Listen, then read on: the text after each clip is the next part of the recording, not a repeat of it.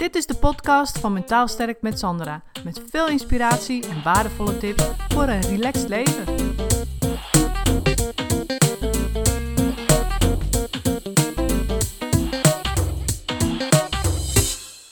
Hey, leuk dat je luistert.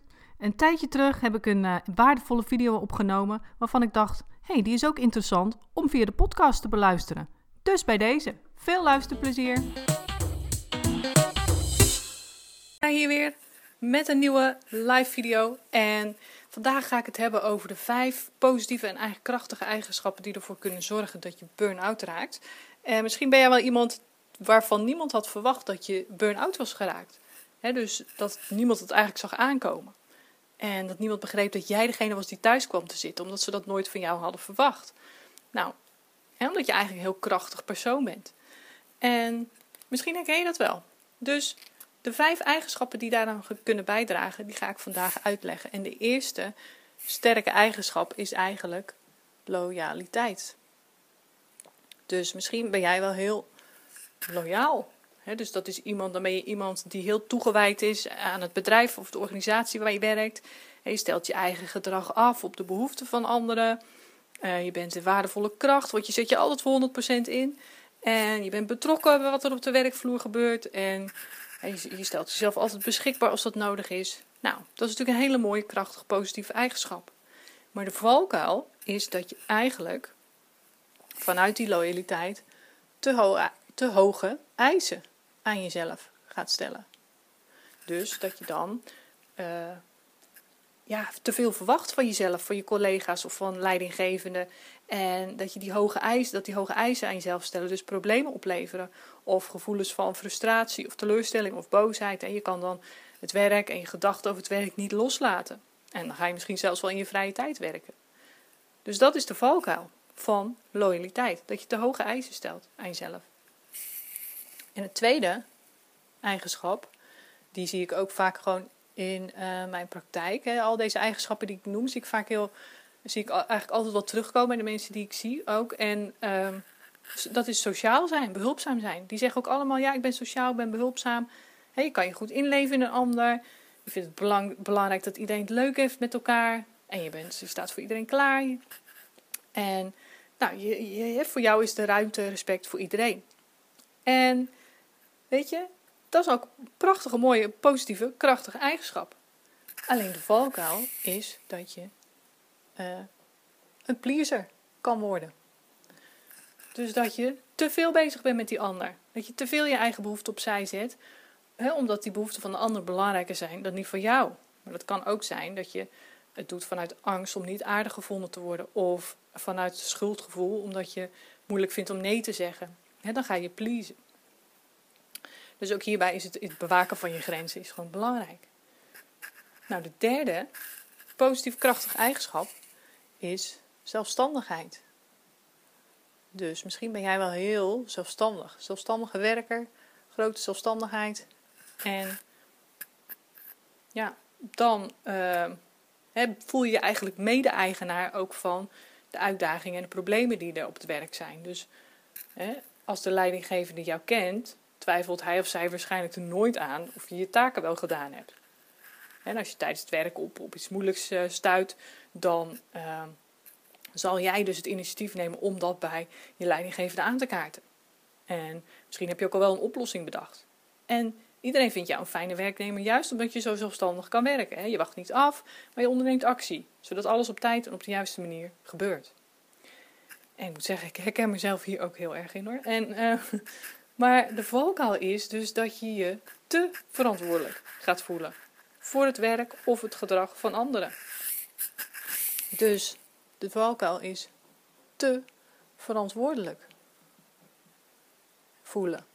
En ja, dat is natuurlijk een hele belangrijke. Want je neemt dan te veel hooi op je vork. Hè? En je kunt dan moeilijk dingen uit handen geven, omdat je er niet op vertrouwt dat anderen hun verantwoordelijkheid daarin nemen. Dus doe je het liever zelf. Nou, een vierde krachtige positieve eigenschap die ik ook heel vaak terug zie komen bij uh, personen met burn-out is hooggevoeligheid. He, dus dat is ook een hele mooie positieve, krachtige eigenschappen, want dat maakt je empathisch, dat maakt je inlevend. je kunt andere mensen heel goed aanvoelen. Je werkt, over het algemeen zijn mensen die hooggevoelig zijn, die werken graag met anderen, die staan dus ook weer graag voor anderen klaar. Omdat ze ook goed aanvoelen wat een ander nodig heeft. Maar ja, de valkuil, je voelt het natuurlijk al aankomen, is dat je te veel meegaat in het gevoel van de ander. Te veel meegaan in het gevoel van de ander. Ja, en dat is natuurlijk, dan wordt het moeilijk. Hè? Dan ga je je ook eigenlijk weer verantwoordelijk voelen voor het gevoel van de ander. Juist omdat je diegene zo goed aanvoelt.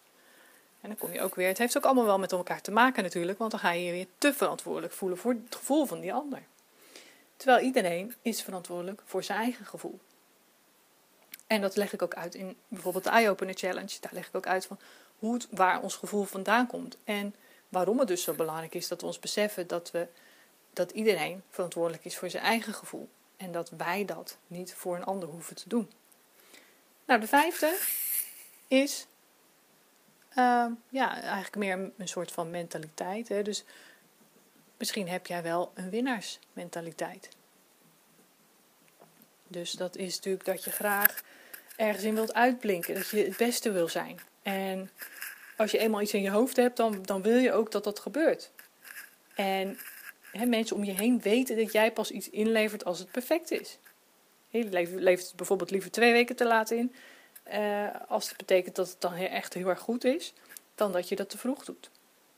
En je, je, staat bekend om je prestaties, je motivatie, je inzet enzovoort. dus dat is de winnaarsmentaliteit. Waar anderen stoppen, ga jij door. Opgeven komt niet in je woordenboek voor. Nou, en dan is de valkuil natuurlijk heel duidelijk dat je dan te perfectionistisch, of eigenlijk gewoon perfectionistisch, uh, ja, wordt of bent gaat zijn. Je gaat gedragen. En je wil dan altijd het beste in jezelf naar boven. Je doet er alles aan om het beste in jezelf naar boven te halen. En, en je accepteert niet dat iets niet lukt. Je wilt niet falen. En je bent dan dus ook heel streng voor jezelf. En dus maar zelden tevreden. En dat kost natuurlijk heel veel energie. Dus dat zijn de valkuilen. De sterke kanten en de valkuilen. Uh, als je erin doorslaat.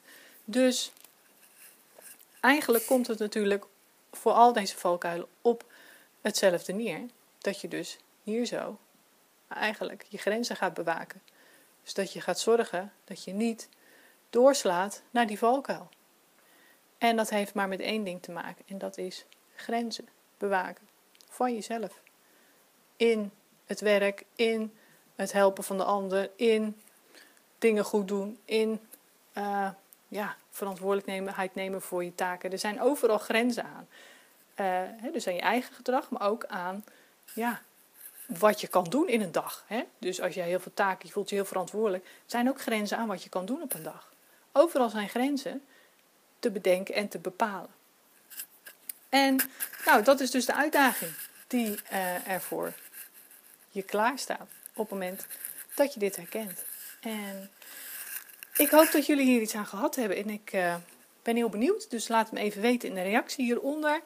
En als je zegt, nou dat was heel interessant, deel deze video dan even. Als je denkt dat anderen er ook wat aan hebben. En uh, nogmaals, heb je vragen, stel ze hieronder.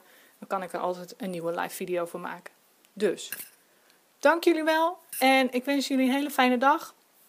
Duimpje omhoog voor degenen die er live bij zijn. Ik zag net al wat duimpjes voorbij komen. En nogmaals zijn de vragen, stel ze. En anders zie ik jullie in de volgende video. Doei doei! Bedankt voor het luisteren. Het is mijn intentie om met deze podcast waardevolle inzichten te delen die je kunt gebruiken voor je eigen leven en die je helpen groeien in je persoonlijke ontwikkeling. Wil je voortaan alle verhalen bij elkaar hebben staan? Abonneer je dan even op Mentaal Sterk met Sandra op iTunes of Stitcher. En ben je enthousiast over mijn verhaal? Dan zou ik het superleuk vinden als je een review achterlaat. Dat kun je doen in iTunes of Stitcher en geef je bij beoordelingen en recensies een korte review. En ben je echt enthousiast? Geef dan 5 sterren. Dat zorgt ervoor dat ik hoger in de ranking kom te staan en nog meer vrouwen kan inspireren tot een relaxter leven. Dank is groot als je dat even voor me wilt doen. Tot de volgende keer bij een nieuwe uitzending.